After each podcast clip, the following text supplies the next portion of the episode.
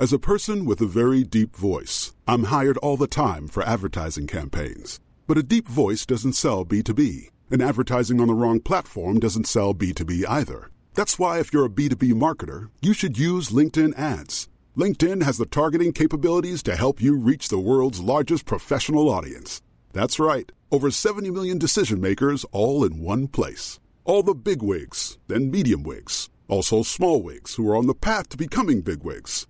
Okay, that's enough about wigs. LinkedIn ads allows you to focus on getting your B2B message to the right people. So, does that mean you should use ads on LinkedIn instead of hiring me, the man with the deepest voice in the world?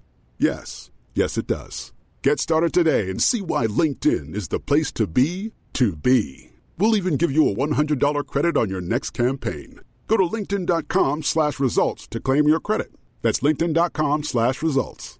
Terms and conditions apply.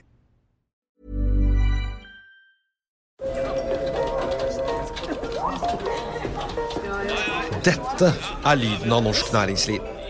Akkurat nå tas det små og store valg som kan bli avgjørende for fremtiden. Med økonomisystemet X-Leger tas disse beslutningene basert på informasjon i sanntid, slik at drømmer og ambisjoner kan bli virkelighet. Få kontroll og oversikt, gå inn på xledger.no. Denne sendingen er sponset av Xleger.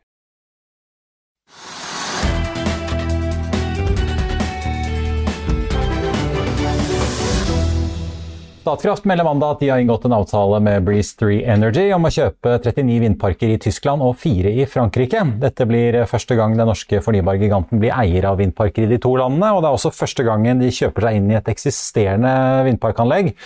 Statkraft har ingen kraftproduksjon i Frankrike per i dag, men i Tyskland er de store på både vann, sol og ikke minst gasskraftverk, og de satte tidligere i år også i gang utviklingen av Statkrafts første vindkraftanlegg i Tyskland, Rappenhagen. Like før sending tok vi en prat med Birgitte Ringstad Vartdal, konserndirektør for vind- og solkraft i Europa, om kjøpet og situasjonen i det europeiske energimarkedet. Birgitte, takk for at uh, du er med oss uh, i dag på uh, video. Du, dere vil jo ikke si hvor nøyaktig hvor mye dere betaler for disse vindparkene, men du kan vel si noe om størrelsen her? 346 megawatt fordelt på disse to landene totalt. hvor stort er det egentlig? Jeg regnet vel at det så vidt utgjør omtrent en tredel av den kjente Fosenparken her i Norge?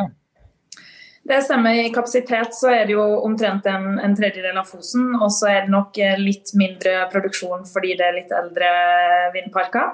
Eh, men for Statkraft så er det mer enn 15% økning av installert kapasitet på vind, eh, som vi øker med det oppkjøpet. Dette er jo eldre eksisterende vindparker som for så vidt er første gangen dere også går inn i. De er jo fra 13 til 22 år gamle. Hvorfor fattet dere interesse for, for disse parkene her? Det, her, eh, det, vi ser er jo at eh, Finansielle investorer er veldig interessert i å eie parker som har faste inntekter. og Disse vindparkene går, har jo gått på det man kaller feed-in-tariffer. Eh, når disse parkene da nærmer seg slutten på den faste inntekten, så ser vi at vi har en rolle å spille. Vi har masse kompetanse rundt å håndtere spotmarkedet.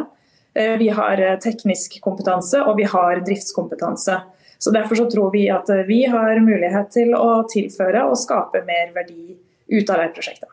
Ja, altså for Apropos det, de siste, i hvert fall siden tidlig 2000-tallet har det jo skjedd en rivende utvikling på vindturbiner. og De som leveres i dag er jo langt større enn det som ble installert den gangen. Hva slags på en måte investeringscase ser dere for å oppgradere disse vindmøllene? Det er jo en del av strategien med oppkjøpet. er å eh, forsøke å utvikle hvert enkelt prosjekt eh, best mulig. Enten ved å forlenge levetiden teknisk på de turbinene som er der, eh, eller ved å starte et prosjekt for å oppgradere til mer moderne turbiner.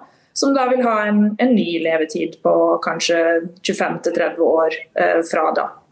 Men er det Altså Ser dere et, på en måte et regnestykke som, som går opp eh, med dagens liksom, strømpriser ved å gjøre det, eller er det visse på en måte markedsforhold som må inntreffe for at en, ny, en, en nybygging med nye turbiner kan lønne seg?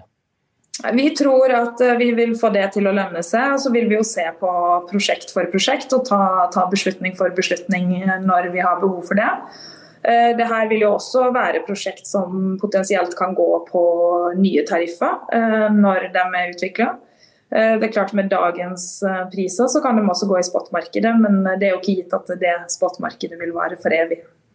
Nei, du, Dere sikrer dere for så vidt også areal da, gjennom å kjøpe dette. her. Hvor viktig er det i Europa fremover? Det der å rett og slett bare ja, sikre seg områder som allerede er regulert og, og har eh, virksomhet innen uh, vindturbiner i dag?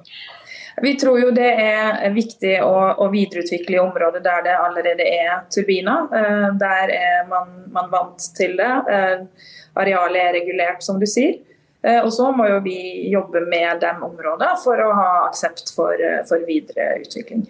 Men er det på en måte en strammere kamp i Europa om, om nytt areal til vindkraft? Er det liksom et tegn på det, denne transaksjonen? Eh, nei, eh, det er nok generelt. Eh, jo mer som er bygd ut, jo, jo, mer krevende blir det jo å finne nye areal. Men det er ikke den strategiske rasjonale for oss her, det er mer at vi ser verdien i prosjektene i seg sjøl. Til slutt, dere har et mål om å utvikle 2,5-3 gigawatt med med ny kraftkapasitet årlig frem mot 2025. Eh, det er jo mer enn de drøye 2 gigawattene dere har installert kapasitet i dag. Eh, vi ser jo et veldig stramt europeisk energimarked nå om dagen med skyhøye gasspriser. Vi ser det mangler bensin på britiske pumper. Det er jo mange årsaker til dette, men likevel. altså når du sitter og skal vurdere investeringer rundt omkring i Europa, påvirker den situasjonen vi nå ser vurderingene dere gjør, eller ser dere som en, på en, måte en kortsiktig volatilitet her? Altså, det vi ser nå, bekrefter jo mer den langsiktige trenden som vi har tro på, der man går fra fossil til fornybar. Og man trenger vekst i fornybar energi for å overta eh, fra fossil produksjon. Det er klart det markedet som vi ser nå, da har du jo en skvis eh, i alle råvaremarkeder osv. Slik at eh, du har et ekstremt eh, høyt prisbilde. Um, over tid så vil det jo bidra, altså mer fornybar vil jo bidra til å ta ned avhengigheten av de råvarene.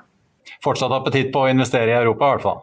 Absolutt. Vi har troa på vekst i fornybar på tvers av Europa. Og det er jo mange land som ikke bare skal dekke veksten med fornybar, men som skal også erstatte eksisterende produksjon med fornybar produksjon. Så det er gode muligheter. Birgitte Vartdal i Statkraft, takk skal du ha.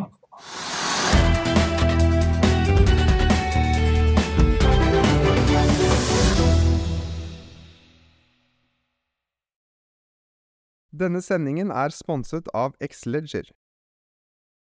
Økonominyhetene er en podkast og videoproduksjon fra Finansavisen. Programleder er Marius Lorentzen. Aksjekommentator er Karl Johan Molnes. Produsent er Bashar Johar. Podkast- og videoansvarlig er Marius Mørk Larsen og ansvarlig redaktør er Trygve Hegnar.